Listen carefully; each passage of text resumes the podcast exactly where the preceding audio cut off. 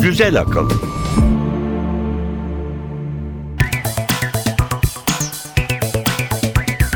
Merhaba, Güzel Akıl 48. bölüme hoş geldiniz. Ben Emre Üç Kardeşler.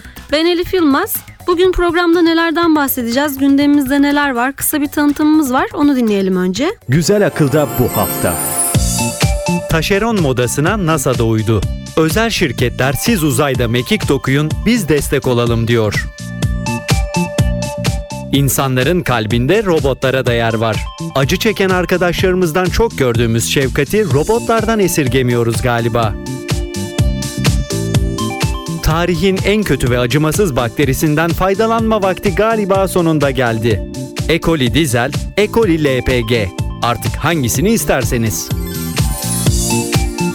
Gerçekler gizli kalmıyor. Evrenden sonra Yangtze Nehri'nin de gerçek yaşı ortaya çıktı.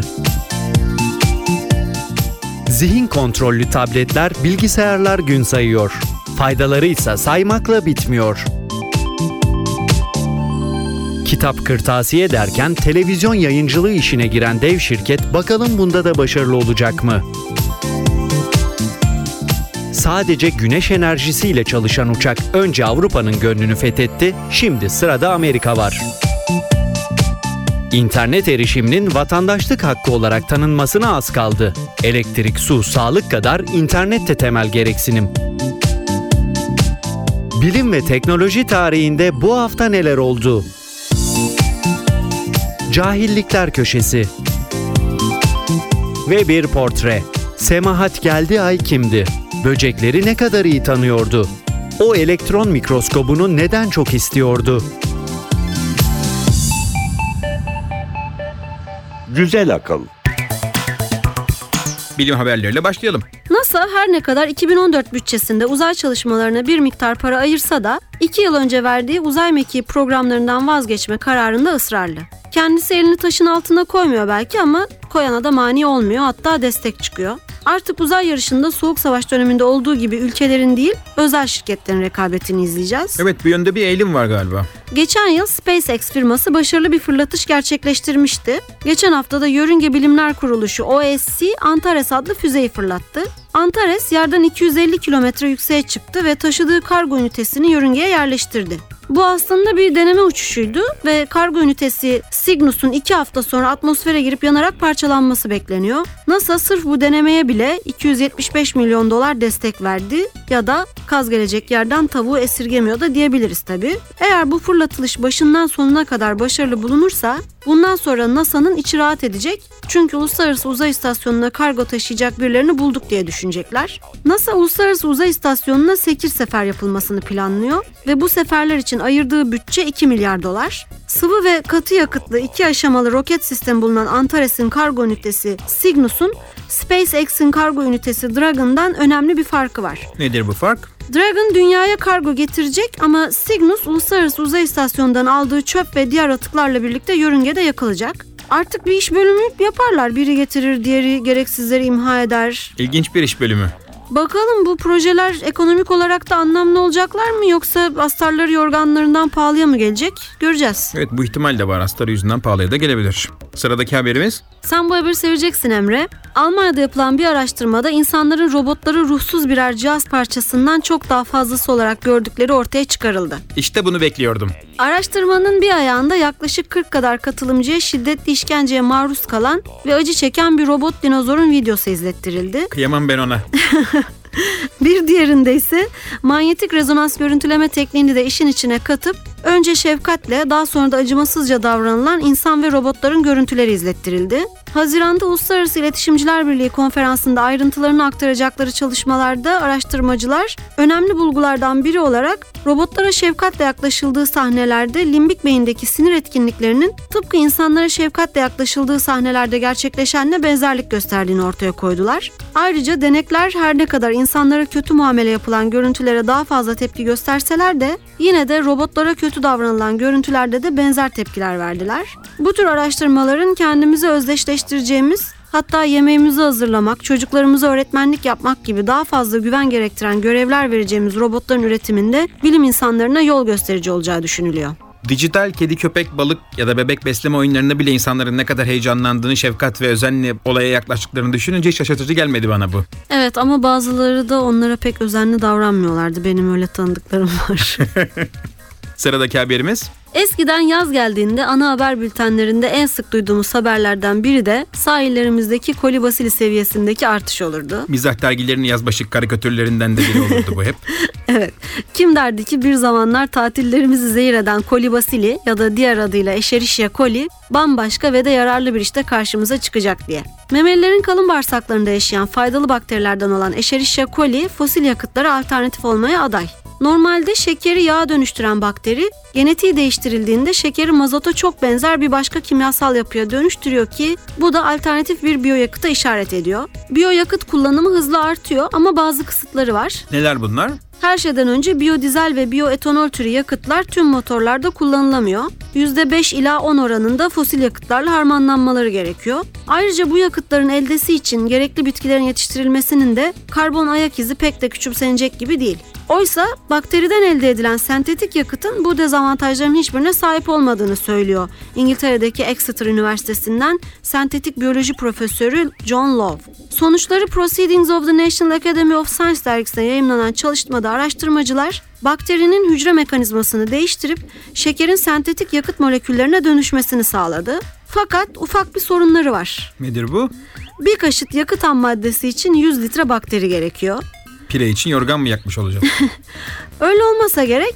Bir de şöyle bir şey var. Sahillerimizdeki kolibasili miktarını eski seviyesine çıkarabilirsek bu sorunu çözeriz bence. Doğru. Son haberimiz Dünyanın en uzun üçüncü nehri Yangtze'nin yaşı sonunda belirlendi Emre. kaçmış? Proceedings of the National Academy of Science dergisinin 22 Nisan tarihli sayısında yayınlanan çalışmaya göre Yangtze Nehri yaklaşık 23 milyon yıldır yeryüzünde arıza endam ediyor.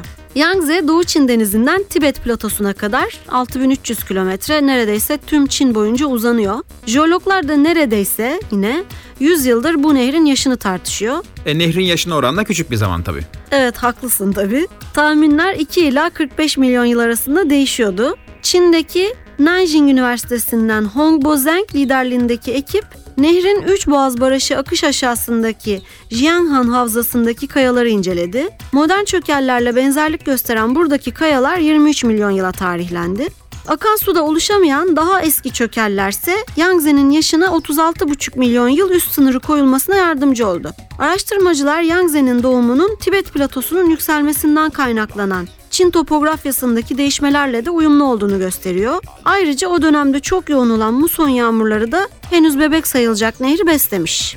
Bilim haberlerimiz burada bitti. Bir parça dinleyelim. Sen Yangtze Nehri haberi paylaşıyorsan benim de seçtiğim parça Lightning Hopkins'ten Nehrin Kıyısında.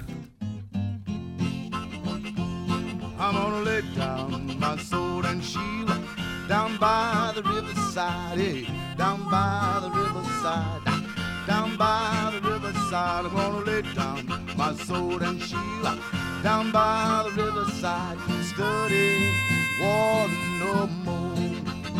I ain't gonna study the war no more. I ain't gonna study the war no more. Ain't gonna study war no more.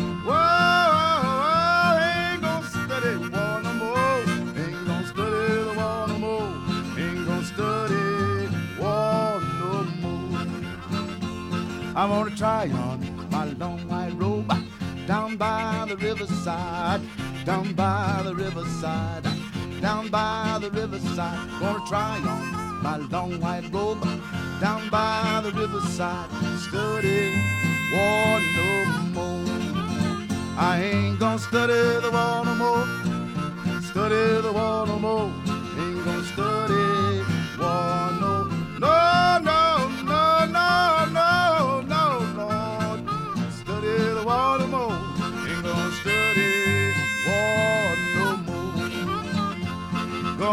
My loving mother down by the riverside, down, down by the riverside, down, down by the riverside. Gonna meet my loving mother down by the riverside, study war no more. I ain't gonna study the war no more. Study the war no more. Gonna study war no more. Study war study war no more. What about you, buddy? Güzel akıl.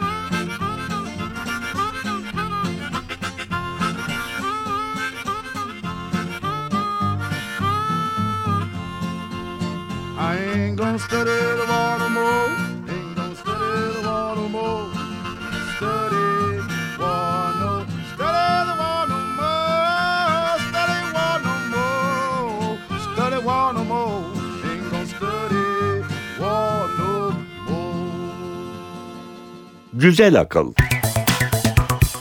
Teknoloji haberleriyle devam edelim. Bu haftanın önemli bir haberi Samsung'un zihin yoluyla kontrol edilebilen tablet bilgisayar üretme projesi.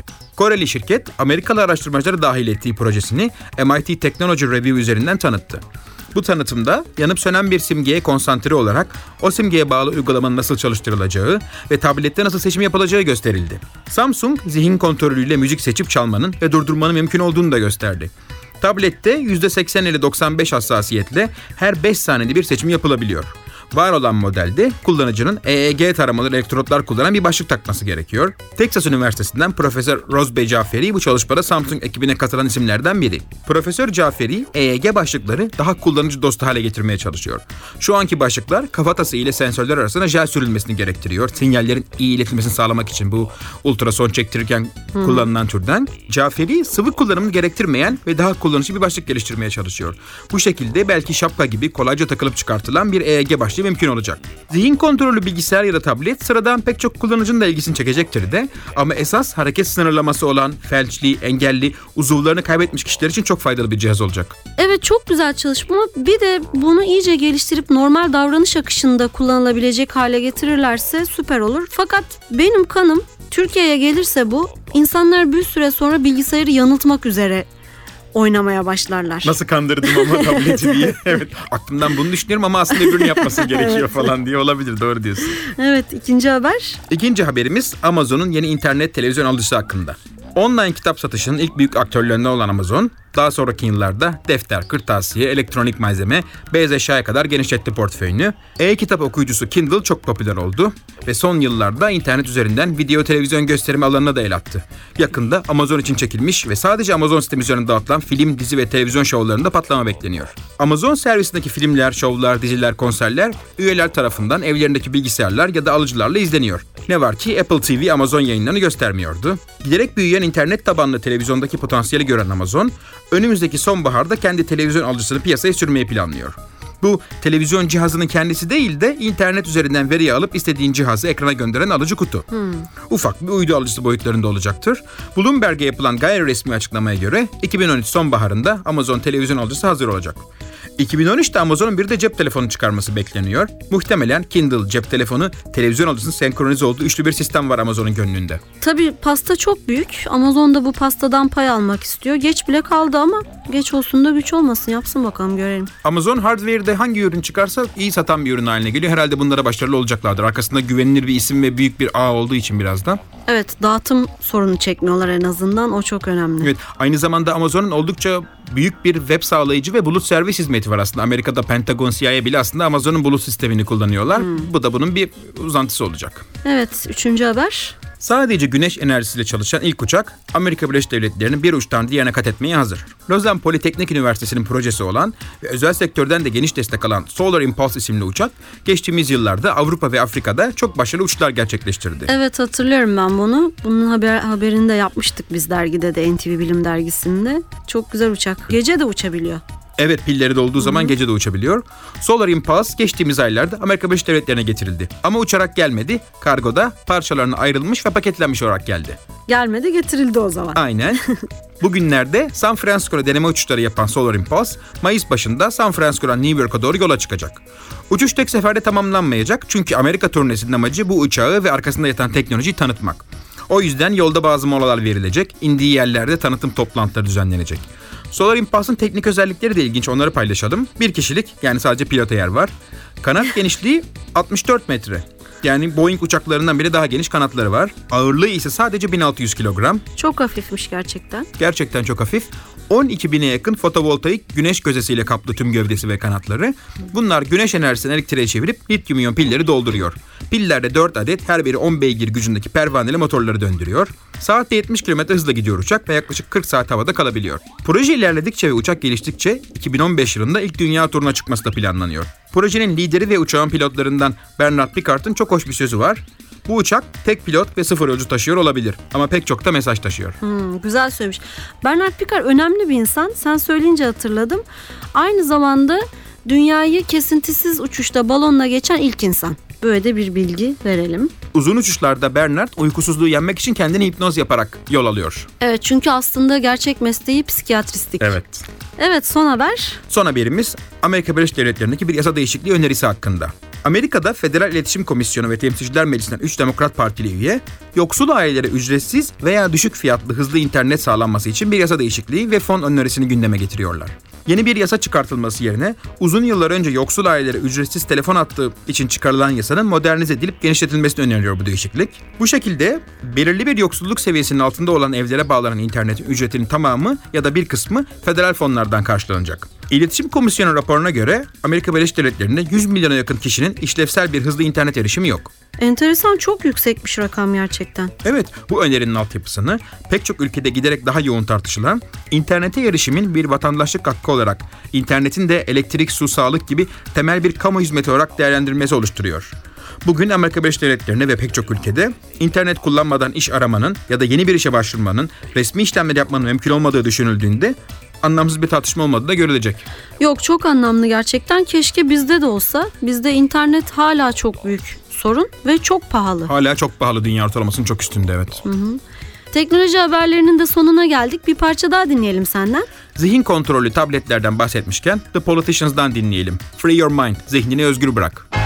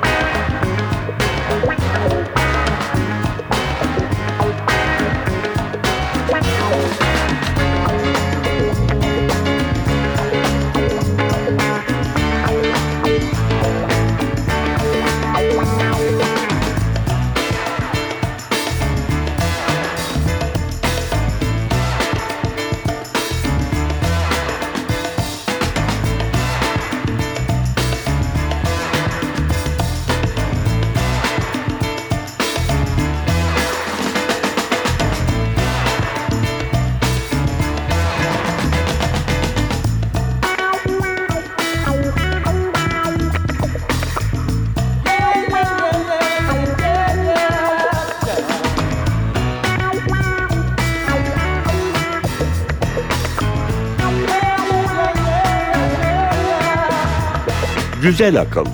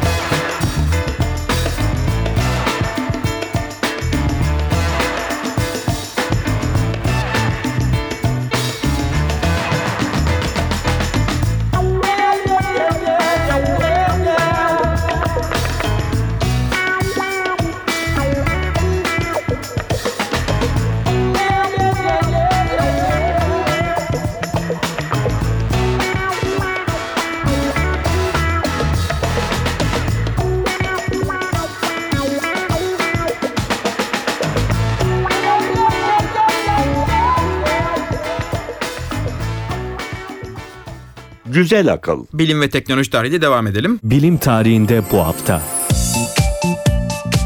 22 Nisan 1970. Dünya Günü ilk kez Amerika Birleşik Devletleri'nde çevre sorunlarına dikkat çekmek amacıyla milyonlarca Amerikalı tarafından yürüyüşler, eğitimler ve toplantılarla kutlandı. Aynı yıl 2 Aralık'ta Başkan Nixon Çevre Koruma Ajansı EPA'nın kurulduğunu açıkladı. Bu yıl 192 ülke tarafından kutlanan Çevre Günü'nün konusu iklim değişikliğiydi.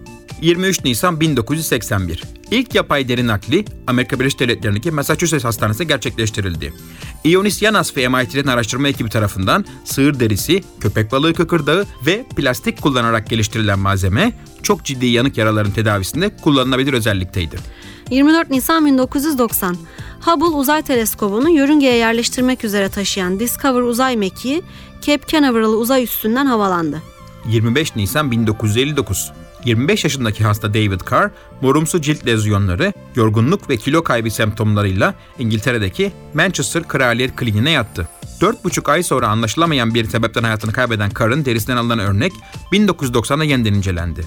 7 Temmuz 1990'da viroloji kliniği şefi Gerald Corbett, Lancet Tıp dergisine yazdığı makalede bunun bilinen ilk AIDS vakası olduğunu iddia etti. 26 Nisan 1986.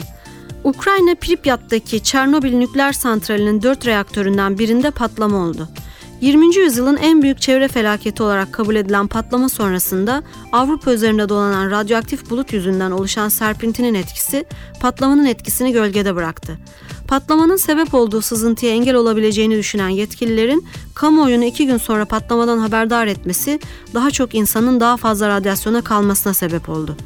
27 Nisan 1970, Kaliforniya Berkeley Üniversitesi'nden Albert G. Horson'un çalışmaları sonucunda atom numarası 105 olan elementi bulduğu açıklandı. Elemente önce Alman fizikçi Otto Hahn'ın anısına hafnium adı verildi. Fakat pek benimsenmediği için element adı olarak daha sonra dubnium kullanılmaya başlandı. 28 Nisan 1991.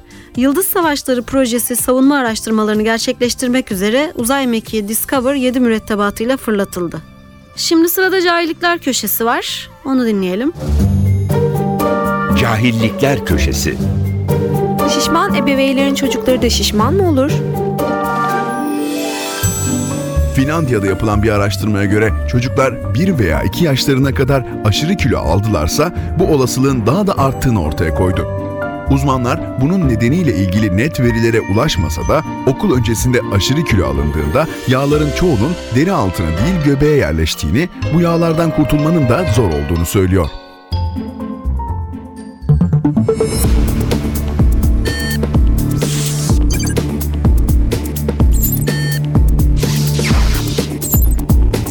Güzel akıl devam ediyor. Bu hafta portre köşemizde Semahat Gelda'yı konuşacağız. Türkiye'de daha önce kimsenin çalışmadığı zor bir alana yelken açan cesur araştırmacı. 42 yılını böceklerin hormonal davranışlarını çözmeye adamış zoolog. Azmi ve kararlılığıyla ülkemizde bilimle uğraşmak isteyen birçok kadının yolunu aydınlatan insan. Çalışmalarıyla hem Türkiye'de hem de yurt dışında bilim camiasının saygısını kazanmış bilim insanı. Gelda'ya devam etmeden önce Tayfun Erdem'den kısa bir parça dinleyelim.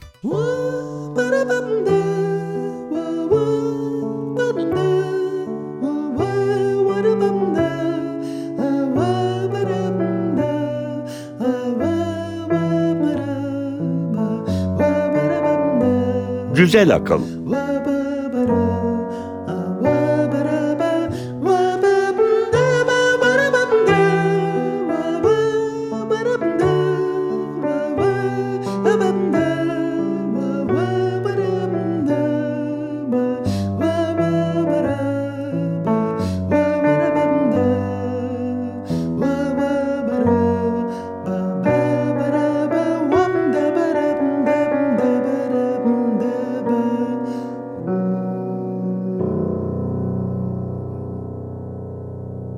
Güzel akıl.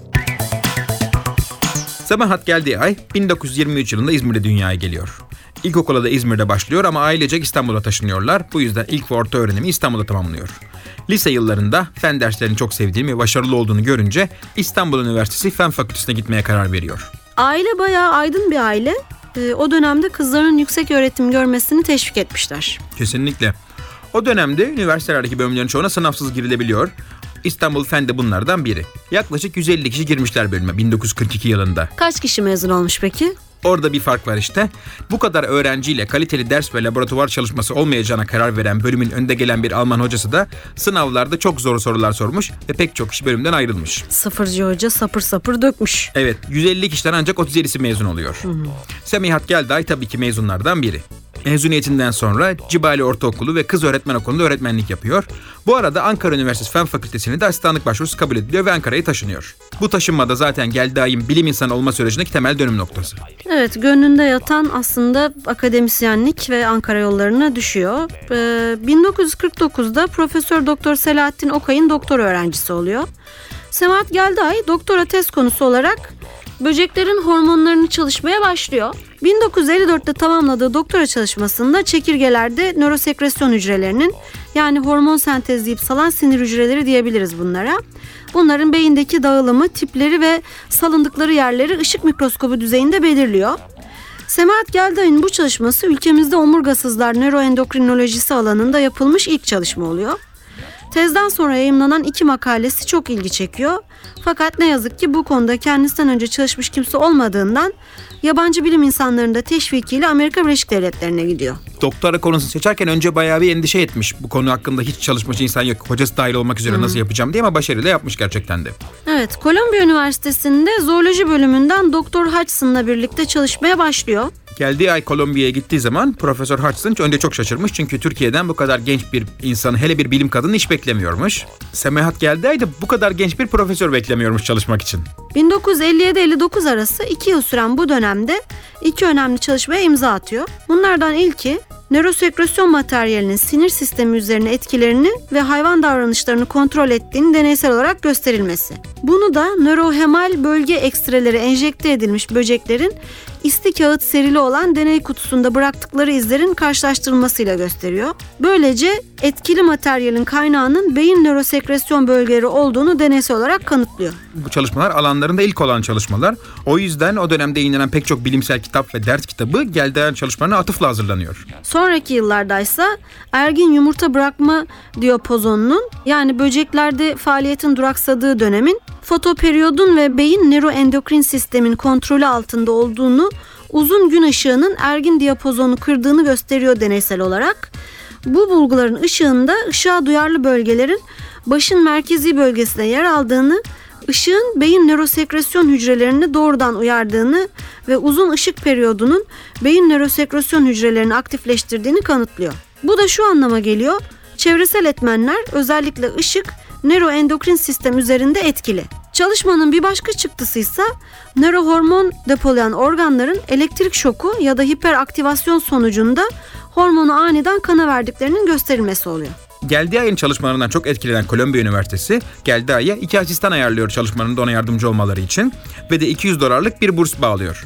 Evet çünkü zaten Türkiye'den aldığı para çok düşük diye hatırlıyorum ben. O dönemde Türkiye'den aldığı bursu ayda sadece 125 dolar. Bunun da 25'i bir pansiyon odasında kiraya gidiyor. 1960 yılında Türkiye'ye dönen geldiği ay İzmir Ege Üniversitesi Fen Fakültesi Zooloji bölümünde doçent olarak çalışmaya başlıyor. Buradaki çalışmalarında da nörosekresyonun çoğalma ve özellikle yumurtaların olgunlaşması üzerindeki doğrudan rolünü deneysel olarak gösteriyor. Aslında artık bu çalışmaları neden yaptığı, neden böceklerin hormonal dünyalarıyla bu kadar ilgili olduğu biraz anlaşılmıştır ama bir de kendi sözleriyle aktaralım. Şöyle diyor Semahat Gelday. Böcek endokrinolojisi birkaç yönden önem arz etmektedir. Bunlardan ilki böceklerle çok yakın ilişkisi olan insanların özellikle zararlı böceklerin kontrolünde böcek yapısı ve fizyolojisini tanıma zorunluluğudur. İkincisi böcekler üzerinde yapılan bu çalışmaların onlarda da yüksek organizasyonlu canlılarda olduğu gibi hakiki iç salgı bezlerinin var olduğunun ve bunların fonksiyon benzerliklerinin ortaya konulmasında yüksek organizasyonlu canlılarda oldukça güç ve pahalı olan hormon çalışmalarının ve ilgili problemlerin çözümlenmesinde yardımcı olmasıdır. Böcekleri doğrudan kimyasal ilaçlarla, zehirlerle öldürmek yerine hormonlarını etkileyerek çoğalmalarını ve nüfuslarını kontrol etmek yani biyolojik mücadele çevreye çok daha az zarar veriyor. Bunu sağlamanın yolu da böcek endokrinolojisinden geçmekte. Evet 1967'de profesör oluyor Semahat Gelday ve 1971'de Amerika Birleşik Devletleri Seattle'daki Washington Üniversitesi'ne gidiyor ve bir yıl konuk profesör olarak çalışıyor. Hem Amerika Birleşik Devletleri ve Kanada'da konferanslar ve sunumlar yapmış hem de bir yandan araştırmana devam etmiş. Evet burada Doktor J.S. Edwards ile elektron mikroskobu yardımıyla beyin nörosekrosyon hücrelerinde hormon sentezi ve salınma mekanizmalarını araştırıyor. Bazı omurgasız hayvanlarda omurgalılarda bilinen serebral nörohemal organ olarak adlandırılan hem böcek endokrinolojisi hem de filogeni yani biyolojide çeşitli organizma grupları arasındaki evrimsel ilişki açısından önemli olan sinir hormonlarının doğrudan beyinde salındığı yerleri gösteriyor. Sayısız atıf alıyor ama 1975'te TÜBİTAK'tan aldığı bilim ödülüyle başarısı taçlanıyor. 1970'ler 80'ler elektron mikroskobunun altın çağını yaşadığı yıllar adeta. Semahat Gelday da Amerika Birleşik Devletleri'nde yürüttüğü çalışmalarda faydalandığı bu laboratuvar gerecinden bir tane talep ediyor Devlet Planlama Teşkilatı'ndan Fen Fakültesi için. Ne var ki talebi geri çevriliyor. O dönemde aslında Ege Üniversitesi'nde bir elektron mikroskobu var ama tıp fakültesine ait ve diğer bölümlere pek sıra gelmiyor. Ama çok da işlerine yarayacak bir cihaz bu. Bunun üzerine bakıyor ki devletten hayır yok. Geldi ay, böceklerde Nora bölge konulu araştırmasına destek vermesi için NATO'yu ikna ediyor. Ve bu araştırma desteğinin içinde bölüme bir elektron mikroskobu alınması da var. Evet kafasına koyduğu gibi fakültesine getiriyor elektron mikroskobu. 1975-80 arasında önce öğrencisi sonra da çok yakın dostu olan Sabire Karaçalı ile yürüttükleri NATO destekli proje sayesinde mikroskop alınıyor. Elektron mikroskobu deyip geçmeyelim aslında Emre. Çünkü geldi ayın çalışmalarına katkısı malum ama onun da ötesinde etkileri oluyor. Bütün üniversiteye faydası çok olmuş. Evet, mikroskobun gelişiyle açılan laboratuvarda hem bölümden hem de İzmir'deki diğer üniversite ve enstitülerden çok sayıda araştırmacı özgün araştırmalarını bu sayede gerçekleştiriyorlar. Semahat Gelday, e, böcek hormonlarının böcek kontrolünde kullanılması konusunda Türkiye'deki çalışmalara öncülük ediyor. Geldiği ay bu konuda 1976-78 ve 1983-85 yıllar arasında iki büyük TÜBİTAK projesi yürütüyor. Evet, Gelday bu önemli ve yoğun akademik çalışmalarının yanı sıra Türkçe kitap eksikliğine bir parça çare üretebilmek amacıyla Genel Zooloji Laboratuvar Kılavuzu, Embriyoloji Atlası ve Genel Zooloji kitaplarını da yazıyor. Bazıları birkaç yazarla ortak yazılmış kitaplar. 1987-90 arasında Dr. Wisher ile Montana Üniversitesi'nde yaptığı araştırmada yine bir ilk aslında. Bu çalışmada böceklerin yedikleri bitkilerin içinde bulunan ve büyümeyi düzenleyen maddelerin böcek kontrolünde kullanabileceğini gösteriyor. Her ne kadar Ege Üniversitesi'nde 29 yıl süren akademik çalışma hayatı boyunca çok çeşitli idari görevlerde bulunsa da onun aslında daha büyük özelliği hocalığı ve araştırmacılığı. Onun yönetiminde 17 yüksek lisans ve 9'da doktora tezi tamamlanıyor. Öğrencilerine hem en iyi eğitimi vermek hem de en iyi burslarla yurt dışı araştırma projelerine dahil etmek konusunda özel bir becerisi varmış. Evet çok çabalıyor gerçekten bunun için. Böylesine dolu dolu ve bilimle geçen 42 yıllık akademik çalışma yaşamı 1990'da yaş haddinden emekli olmasıyla noktalanıyor gibi görünse de aslında Semahat Gelday çalışmayı asla bırakmıyor. 1996'da TÜBA şeref üyeliğine seçiliyor. Fakat ne yazık ki 27 Şubat 2002'de 79 yaşında hayatını kaybediyor. Ama açtığı yolda ilerleyen Türk bilim kadınları onun hatırasını her zaman yaşatmaya devam edecek. Fakat ne var ki biz bu programın da sonuna geldik ve bir şarkıyla veda edelim. Kapanış parçamız Sema geldiği ay için Selva Erdener'den geliyor. Adios querida. Hoşçakalın. Hoşçakalın.